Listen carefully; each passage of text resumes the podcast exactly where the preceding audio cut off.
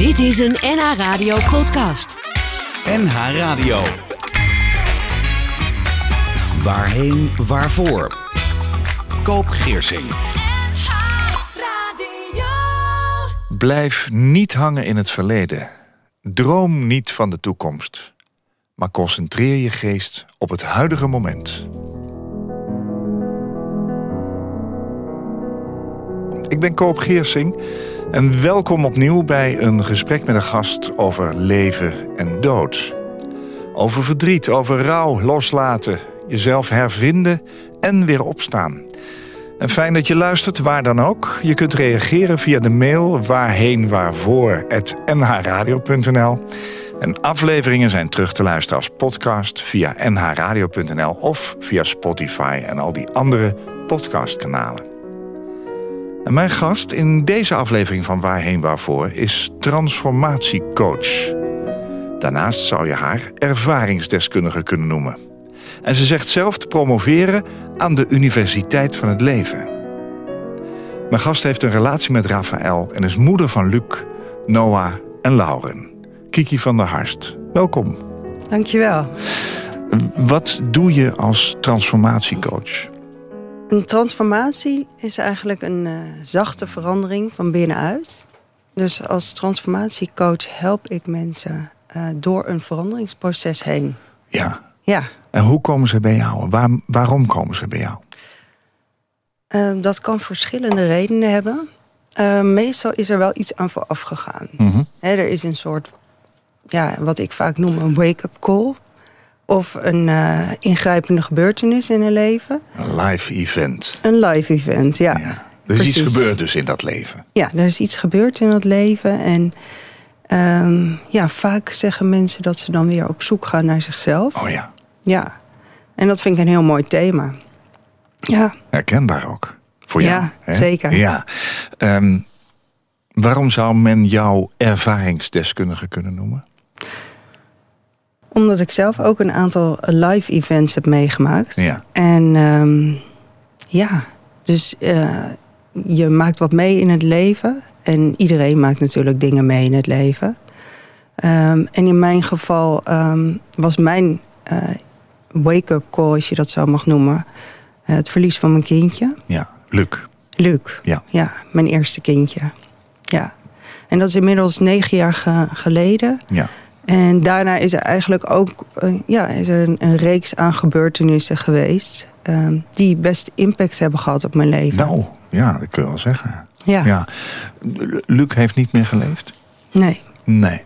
Hoe is dat gegaan, dat proces? Was het een normale zwangerschap? Ja, uh, Luc was uh, heel gewenst. Ja. En uh, ik was ook echt meteen zwanger.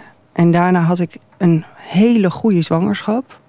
Had heel veel energie, eigenlijk nergens last van. Nee. Was gewoon heel vrolijk. En uh, ik keek enorm uit, of wij keken enorm uit naar zijn komst. Ja. Dus er was geen veldje aan de lucht. Nee. Uh, tot deze allesbeslissende nacht. En toen is het eigenlijk van het een op het andere moment helemaal misgegaan. Wat voelde je dan? Nou, het begon eigenlijk met wat ze dan noemen harde buiken. En dat hoeft niet een uh, slecht teken te zijn, heb ik altijd begrepen. Maar het was ook mijn eerste zwangerschap, dus daar ben je... Ja, ja je weet ook niet alles. Nee, natuurlijk. Het lijkt me logisch. En toch heb je dan een soort van onderbuikgevoel. Hè? Een soort van instinct wat toch tegen je zegt van daar klopt iets niet. Had je dat? Ja, ja. ja ik, ik was er ook emotioneel onder. Ik weet dat ik mijn bed uitkwam en niet wist wat er gebeurde. Nee. En toen we contact opnamen, excuus, uh, met de verloskundige. Uh, toen heeft hij me eigenlijk geprobeerd gerust te stellen en Ja. gezegd van probeer maar wat te ontspannen. En we kijken bij het ochtendspreekuur wel even wat er aan de hand is. Ja. Ja, En Nou. dat, ging, dat heb je niet meer gehaald, hè? Dat uh, ochtendspreekuur. nee, nee, nee, nee. nee. Want dat ging niet goed. dat ging niet goed. Nee, want het werd steeds erger en de pijn werd heftiger. Ja. En na een tijdje hadden wij zoiets, dit is gewoon echt niet goed. We Nee. zijn in de auto gesprongen. En uh, onderweg naar het ziekenhuis, uh, ja, dan, heb, dan weet je eigenlijk al van dit is heel erg fout. Ja. ja. En eenmaal in het ziekenhuis aangekomen weet ik ook nog dat ik nauwelijks meer op mijn benen kon staan. Zo heftig was die pijn inmiddels. Ja, en dan eh, krijg je uiteindelijk het beeld te zien op een echo. Ja. En zegt de arts tegen je, je kindje is overleden. Och, jeetje. Ja. Ja. Ja, dat ga ik nooit meer vergeten. Nee. Nee. Nee, nee, nee. Nee. En dan ga je op de een of andere manier, neem ik aan, te- terug naar een bed. Want dan moet je natuurlijk uit de rusten of eh, weet ik wat. wat. Wat gebeurde er met je? Dat is heel moeilijk in woorden te vatten. Ja, Ja, want ik lag op een bed. Ik kon ook niet meer staan. Ik had Nee. zoveel pijn. En, eh, maar ja, je krijgt te horen, je kindje is overleden. Ja. En de volgende zin is, nu gaan we je bevalling inleiden. Dus dat was zo overrompelend. Hm. Ehm, en eh, nou ja, de eerste zorg voor de artsen was dat ik pijnbestrijding kreeg. ja. Eh, wat, omdat die pijn was inmiddels echt niet meer te harde. Nee.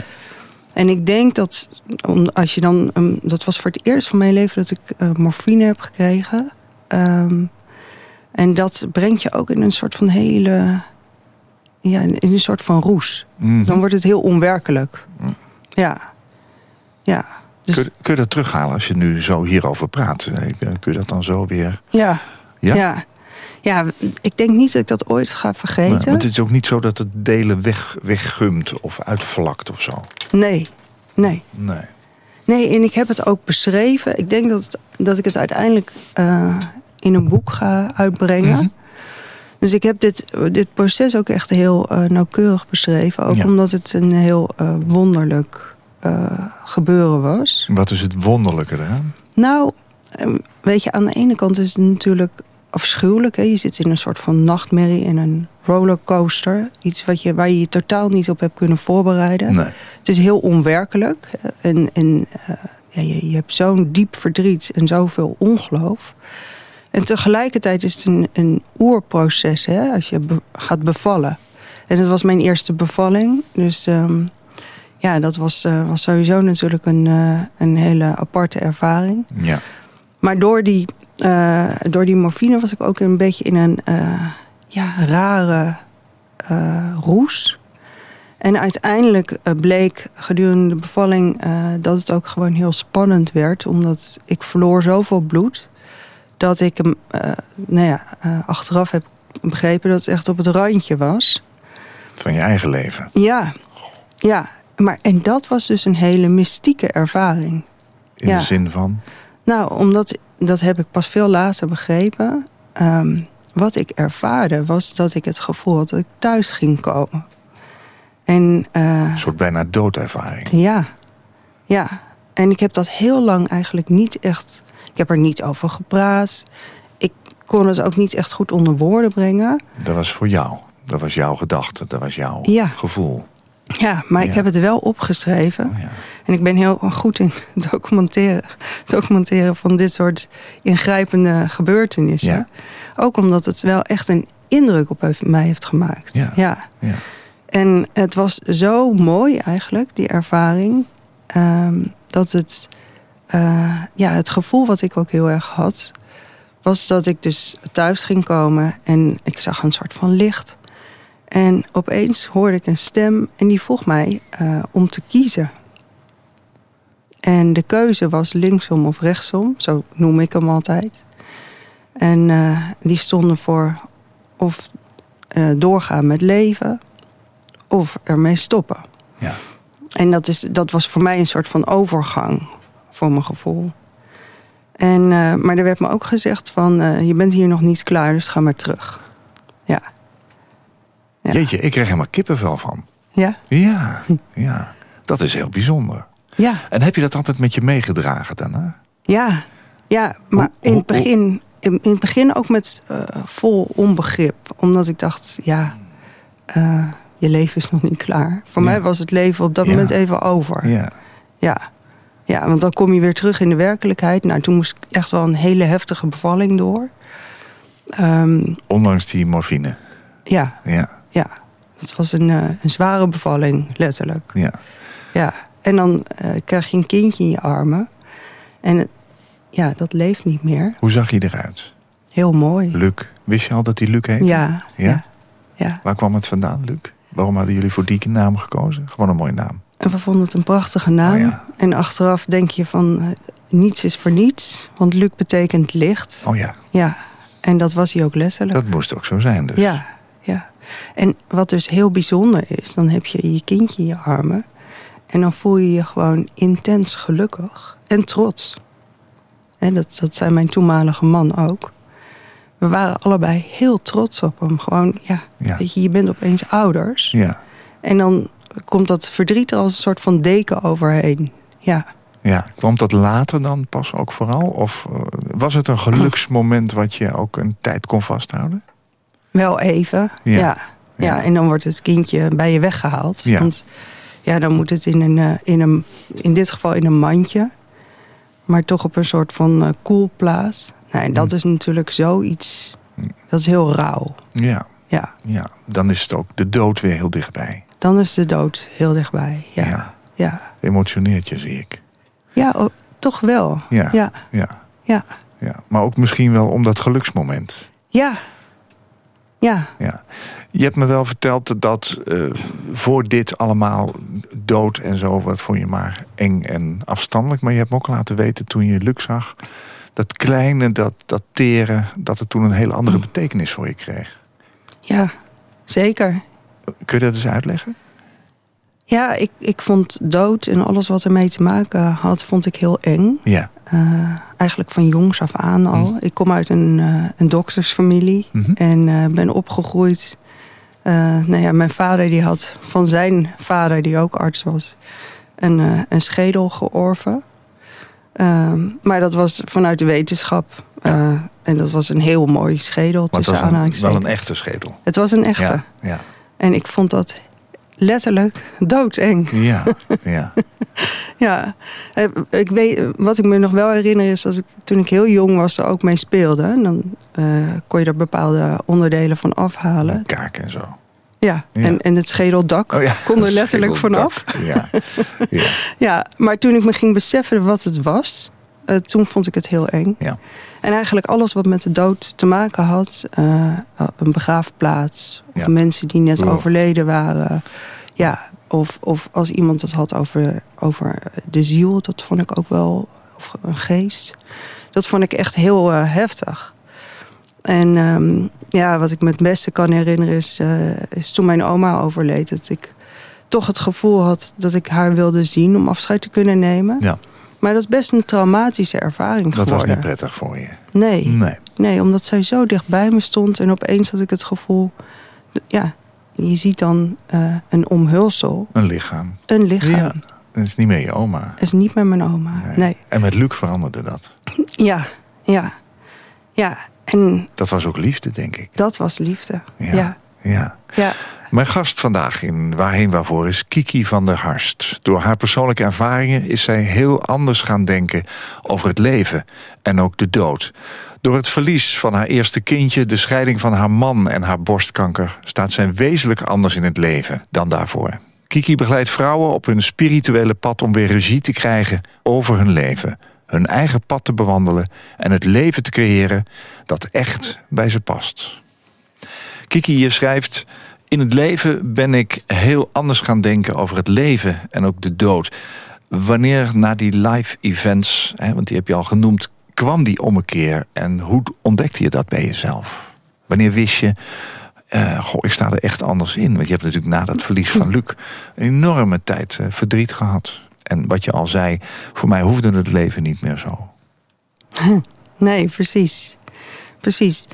Nou, ik denk dat het verlies van Lucas wel echt een, een keerpunt geweest. Ehm, Is dat achteraf gezien? nee, dat besefte ik me eigenlijk meteen al. Ja. Ja, omdat ik het gevoel had dat ik op een veel diepere laag terecht kwam in mezelf. Was je daar nooit geweest? Nee, dit, dit verdriet kende ik niet. Nee. En dus ook niet dat het leven dit soort schakeringen heeft. Dus ik vond, ja, het, je zou het een verdieping kunnen noemen. Ehm, wel een, een, ook een, eh, zware, verdrietige. Maar daardoor merkte ik ook dat er eigenlijk een soort van luik open ging. En eh, de liefde voor je kind is natuurlijk iets heel, eh, ja, iets, iets prachtigs. Dat vind ik een luik van liefde. Ehm, en ik merkte ook dat er bij mezelf een andere laag naar boven kwam. Hè? Dat ik veel dichter bij mezelf kwam daardoor. Ja. En dat heeft Luc me denk ik ook echt gebracht. Ja. Hij heeft me weer teruggebracht naar mezelf. En ehm, toen ben ik ook wel een beetje wat meer dat mystieke gaan ervaren. Ehm, onder andere door mijn bijna doodervaring. Maar ook het gevoel van het houdt niet op na de dood. Dus toen merkte ik dat er een soort van ja, wat meer spirituele inslag kwam. Ja, een spiritueel luik zou je kunnen zeggen. Ja, Ja, Ja. een doorkijkje. een doorkijkje. Ja. Ja. ja. maar ook dat je je bewust wordt van eh, ja, dat, dat het leven wat anders in elkaar zit. Ja. Ja. Dat moet toch ergens in aanleg al wel in je gezeten hebben, denk ik wel eens. Hè? Dus Luc heeft ervoor gezorgd dat dat duidelijk werd. Heb je daarvoor ooit signalen gehad dat je dacht, goh, eh, hoe zit dat? Ja. Ja? Ja. Wanneer ken je dat? Nou, ik, ik weet het als kind al. Ik, ik denk dat ik echt een dagdromer was, eh, ben. Ja, dus als kind merkte ik al dat ik in, in andere werelden eh, me kon begeven. Ehm, een hele rijke fantasie. Dat vond ik ook heerlijk. Ja. Ehm, maar ook, ik heb ook wel eh, momenten gehad dat er opeens een ingeving kwam. Ja. Of dat ik een visioen had en dat ik dat eigenlijk niet zo goed begreep. Oh ja. Ja, en Dus het was er al. ja, het was er al. Ja, Ja. Maar je was je er nog onvoldoende bewust van waarschijnlijk. Nou, soms dan eh verbaasde ik me wel ergens over. Ja. Bijvoorbeeld mensen die heel dichtbij me stonden. Dan wist ik iets van ze. Wat ik onmogelijk kon weten. Oh, op die manier. Ja. ja. Of Ja. ik kreeg opeens een, een soort van ingeving. Dat ik dacht, hé, hey, eh, ik ga die persoon bellen. En hè, dat kennen wij denk ik allemaal wel. Die zei, goh, ik wou jou net bellen. Ja, Ja. ja maar Ja. ook met eh, belangrijk eh, nieuws. En dat je dan eh, eigenlijk weet dat er iets aan de hand is. Ja. Ja. Ja. Nadat ehm, Luc geboren is, eh, hebben jullie natuurlijk een uitvaart gehad. Eh, er was heel veel verdriet. Hoe ging dat tussen jou en je toenmalige partner? Ja, dat Kon je was, elkaar vinden in dat verdriet? ja, op dat moment zeker. Ja, ja dat voelde echt alsof er een- zo'n sterke connectie was Ja. tussen ons. Ja. En we zeiden ook van zolang we elkaar hebben, komt het goed. Ja.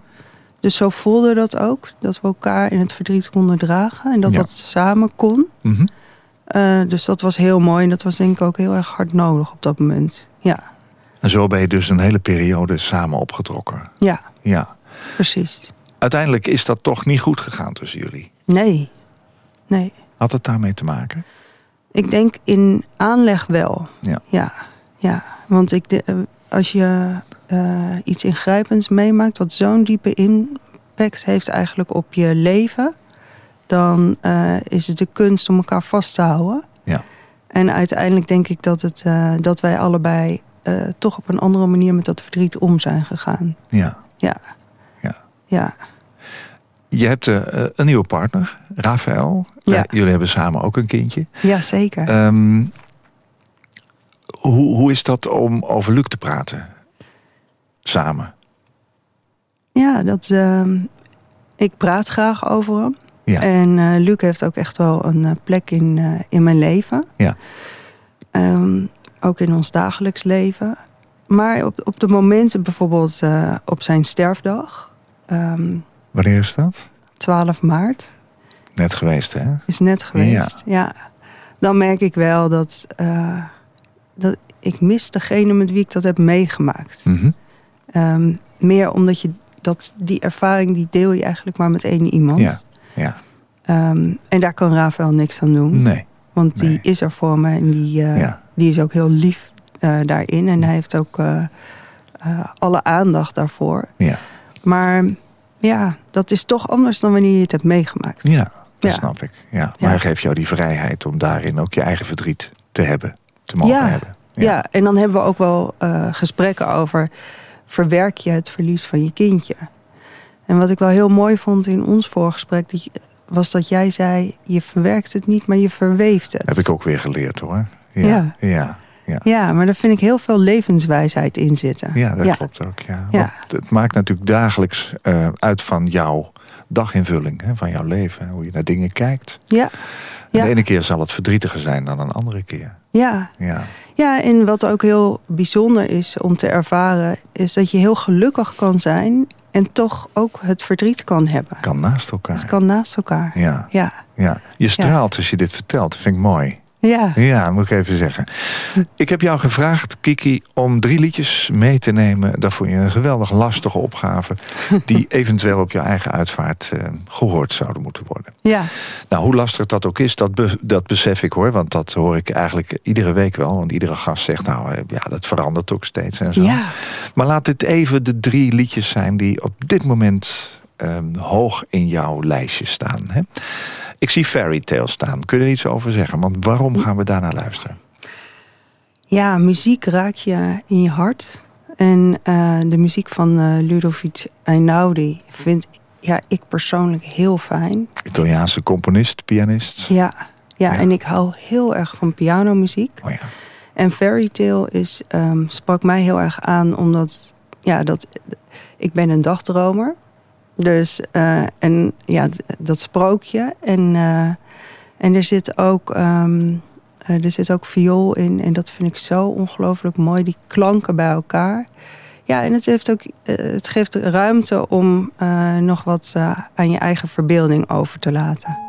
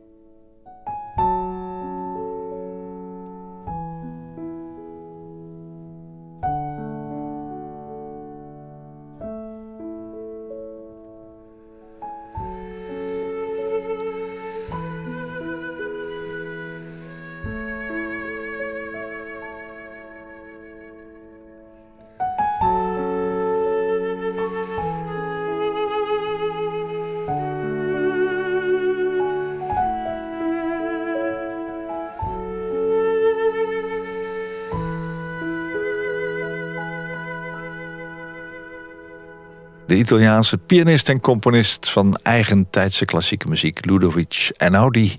Hier met Fairy Tale, uitgevoerd door Marco Decimo en het Czech National Symphony Orchestra. Kiki van der Harst is vandaag mijn gast in deze aflevering van Waarheen Waarvoor. Uh, Zo'n negen jaar geleden verloor jij je kindje Luc. Het heeft heel veel verdriet opgeleverd. Um, en ik heb al gevraagd, wat gebeurde er met jou na het verlies van je eerste kindje? Mijn vraag is nu, hoe kon je je leven weer oppakken? Hoe kreeg jij de regie weer terug over je eigen leven? Wat heb je gedaan? Dacht Nou. je op een gegeven moment, nu is het klaar met verdriet? Of hoe gaat zoiets? Nee, dat dacht ik niet. Nee.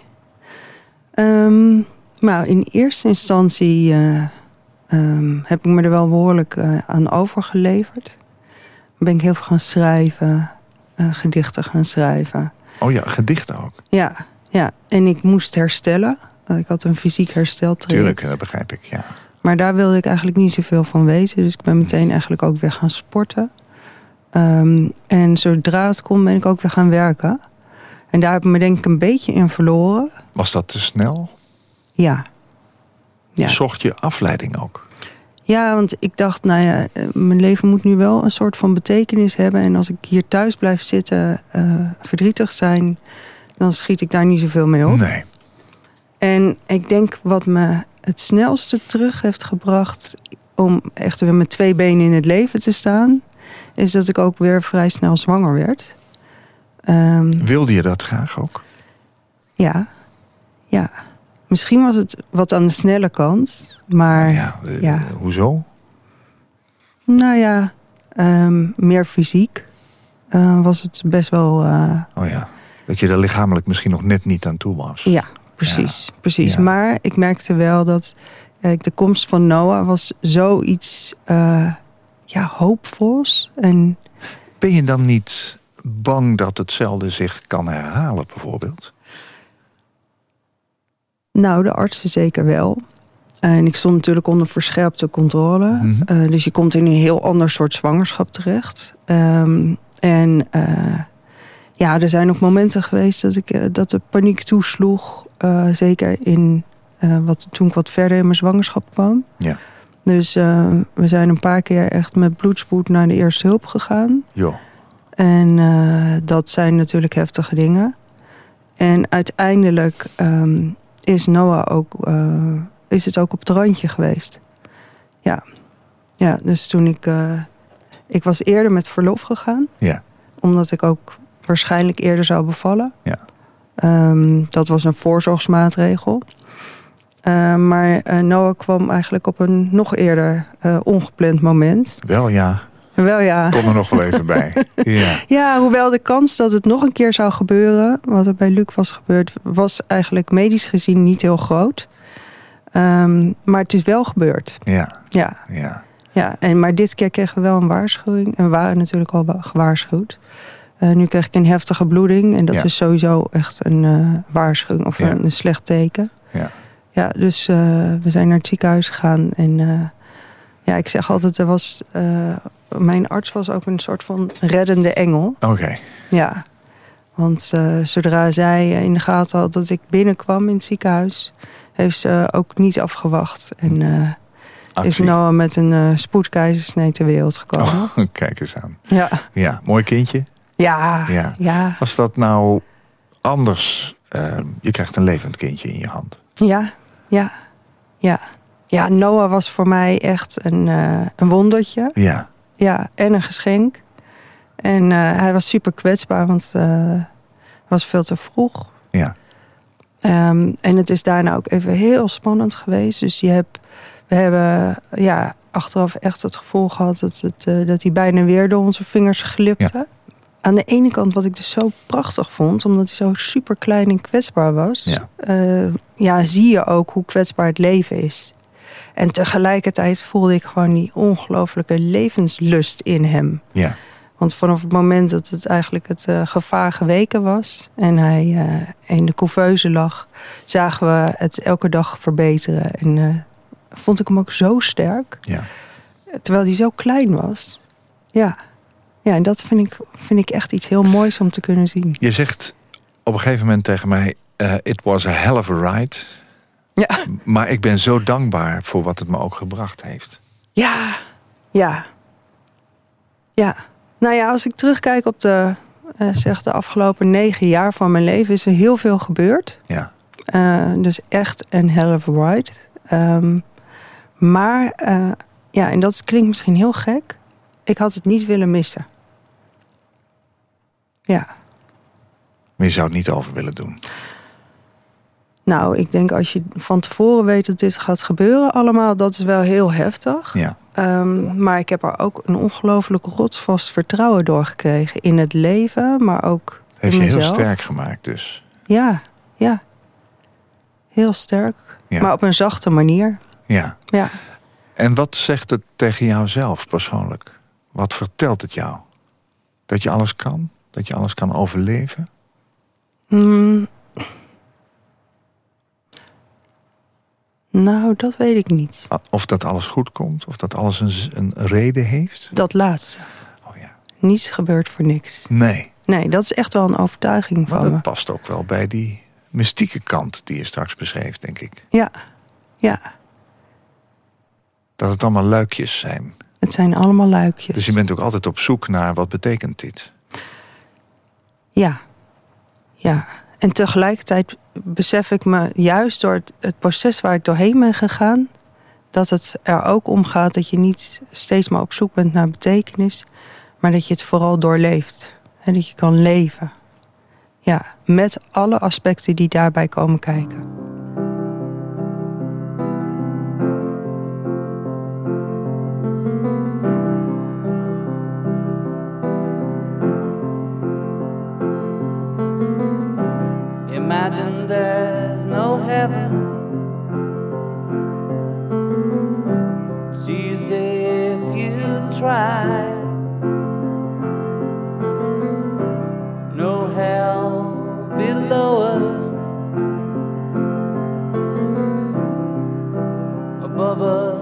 the sky.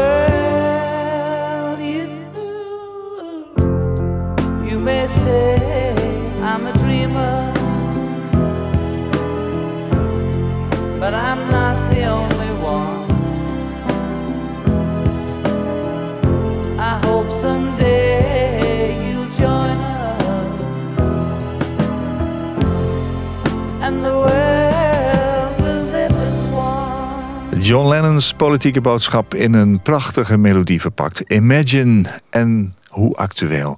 Die staat zomaar in jouw top 3. Ja, Waar komt dat vandaan? ja ik, als, als er muziek op mijn begrafenis wordt eh, gedraaid... ik dacht, dan is dit wel een soort van laatste wens. Oh ja. Ja, en hij Ja. komt steeds weer terug in mijn leven. ja. Dus ehm, ja, ik vind het zo'n mooie oude klassieker. En mijn vader hield heel erg van de Beatles. Ja. John Lennon was natuurlijk eh, zat in de Beatles. Ja. Ja, dus dit is wel echt een klassieker die, eh, die ik zo mooi vind. Ja, heel mooi. Ja, Ja. ja. Kiki, je vertelde over het overlijden van je kindje, je zoon Luc. En je vertelde over de scheiding met je man. ja, Toen kreeg je ook nog borstkanker. ja. Heb je wel eens gedacht, hoeveel kan een mens eigenlijk in zijn leven verdragen? Nou, mijn moeder zei dat. En eh, ik weet nog, ik zag het verdriet bij haar van heb je nou niet genoeg gehad? Ehm, maar gek genoeg was borstkanker voor mij iets heel logisch. Leg eens uit. Nou ja, ik had het ten eerste aangevoeld. Ik wist gewoon dat er iets niet klopte. En ik wist ook dat Oh ja. het eh, in mijn linkerborst zat. En dat En er ik- was nog geen enkele aanleiding om dat te bedenken. Nee, nee. Dat is, ik, ik denk dat dat een, eh, dat is intuïtie of innerlijk weten. Ja. Dus ik wist dat daar iets zat. Ehm, en op de een of andere manier vielen heel veel eh, puzzelstukjes op zijn plek. Want ja, ik geloof dat eh, ziekte eh, niet voor niets ontstaat. En voor mij was het gewoon heel logisch dat mijn lichaam een noodsignaal afgaf. Ehm, en dat jarenlange stress en dan ook nog emotionele stress. Het was de relatie met die andere dingen. Ja, Ja. ja, ja. En ik denk dat ik al eh, op dat punt al eh, heel goed bezig was om eh, veel beter naar mijn lichaam te luisteren. En die signalen serieus te nemen. Ja. En alles wat me stress gaf, om dat aan te pakken in mijn leven. Ja. Dus ik had ook al wel een heel pad bewandeld. Eh, dus dat gaf me ongelooflijk veel kracht en vertrouwen. Om Ja. ook eh, het, het, ja, de behandeling en de genezing van deze ziekte. eh, om dat tegemoet te treden. ja. Ja. Wanneer kwam je erachter dat het ook zo was? Kreeg je daar, voelde je het zelf of ben je naar de dokter gegaan? Ja, ik voelde het zelf. Oh ja. En toen ben ik naar de dokter gegaan. En in eerste instantie was er geen reden tot zorg. Toen heb ik me toch laten Ik wou doorsturen. zeggen, dat heb je vaker gehoord. Ja, Ja, ja, inderdaad. Ja, even beter luisteren naar mezelf in plaats van naar een ander. Ja, Toch? Ja, en toen kwam ik in het ziekenhuis en toen zagen ze het niet. En toen eh, heb ik gezegd, nou ja, het zit er toch echt. Dus eh, we moeten even Zoek maar- doorzoeken. Zoek maar even door. Ja, Ja. ja, en toen weet ik nog dat de, dan eh, ja, nog een onderzoek. Nou, en toen had ik het gevoel dat er een hele donkere wolk boven me Mhm. hing. Mhm. Zo voelde het ook letterlijk.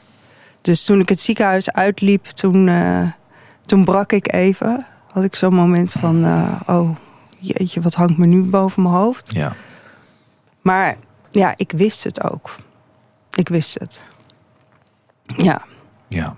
Hoe is het nu met je? heel goed. Ja? Ja, ja. Ja, ik heb. eh, we- ja, het is zo bijzonder eigenlijk hoe dat traject verder is gegaan. Ja.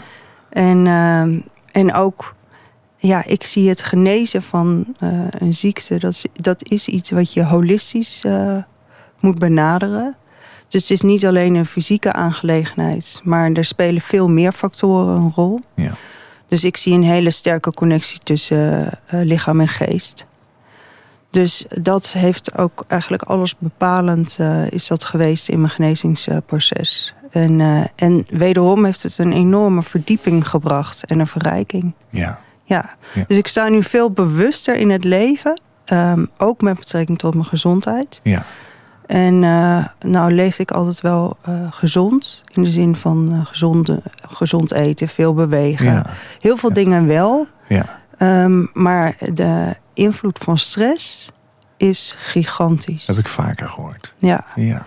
ja, en daar komt nog bij dat de invloed van angst bijvoorbeeld enorm is. Nou, en als je het dan hebt over een ziekte als kanker... dan hangt er echt een hele dikke deken van angst omheen. Ja. En dat wordt je ook gezegd, hè? want je komt in het ziekenhuis en dan zegt ze... ja, je hebt een levensbedreigende ziekte. Ja. Ehm, ja, en dat kan heel, eh, dat, dat kan een vervelende uitwerking hebben.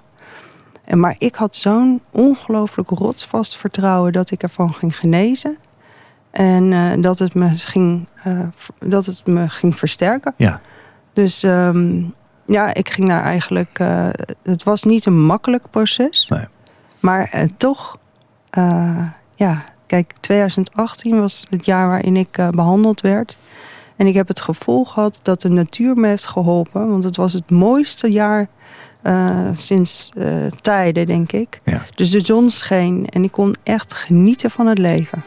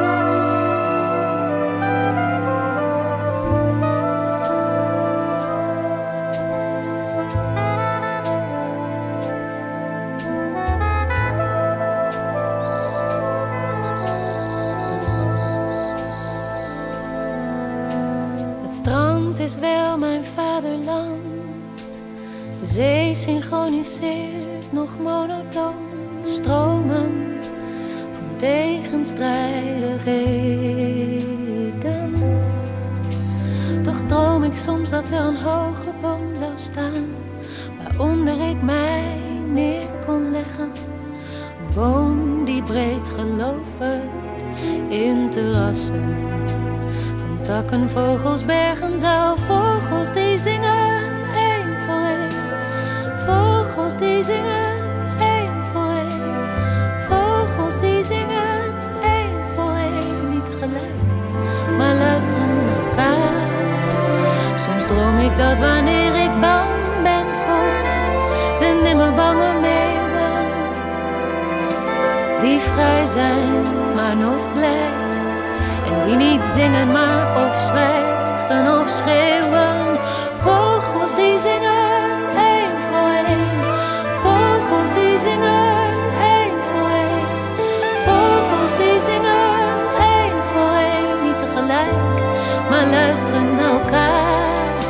Soms droom ik dat wanneer ik bang ben voor de nimmer bange meeuwen die vrij zijn, maar nooit blij. En die niet zingen, maar of zwijgen of schreeuwen.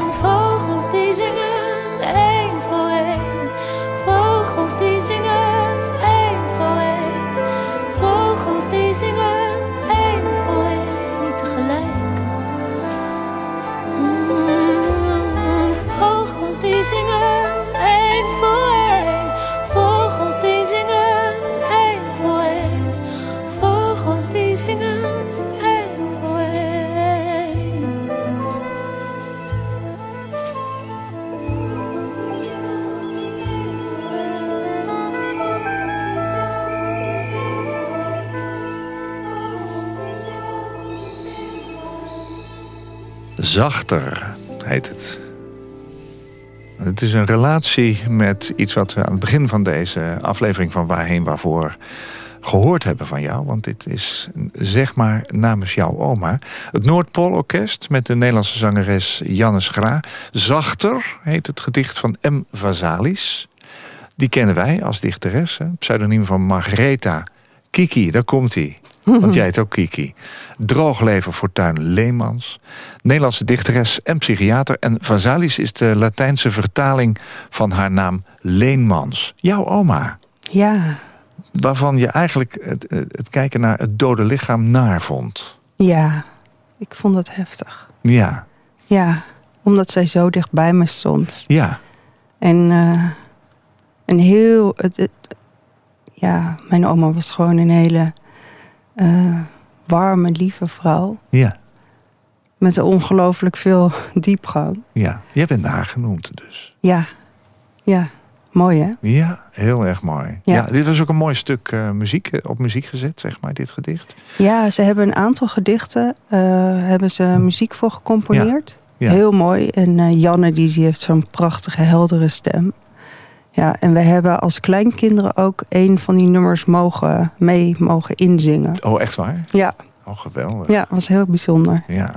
Ja, dus ja, dit nummer dat zou ik heel mooi vinden als- een soort van de cirkel is rond. Ja, zo zie ik dat ook, geloof ik wel. Ja, En als jij je leven ook zo ziet, dan kun je nu dus vooral anderen helpen. Want dat doe je hè, in het dagelijks leven. ja. Ja. Als mensen jou nodig hebben, ehm, moeten ze uitleggen waarom? Of, of eh, help jij iedereen die dit wil? Ja. Nou, het belangrijkste vind ik dat er echt een, eh, een verbinding is. Dat dat Ja. ook voelbaar is. Ja. Ehm, ja, en dat mensen... Kijk, ik kan vooral mensen helpen die daaraan toe zijn... en die dat proces aan willen gaan. Ja. Want er komen ook wel eens mensen... en die hebben het gevoel van... eh, hier heb je mijn hele pakketje, los het op. Los het maar even op. Ja, zo Ja. werkt het niet. Nee, nee. Nee. Dat is ook hard werken, denk ik. Hè?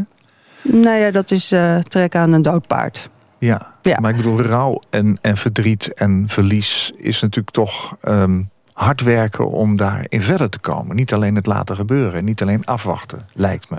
Nou, maar het is denk ik vooral de zachte manier waarop je dat benadert. En dat gaat het verschil maken. Want dat doe jij. Ja, Ja. ja, Kiki van der Harst.nl. Daar kunnen mensen jou vinden. Kunnen ze zien wat jij doet.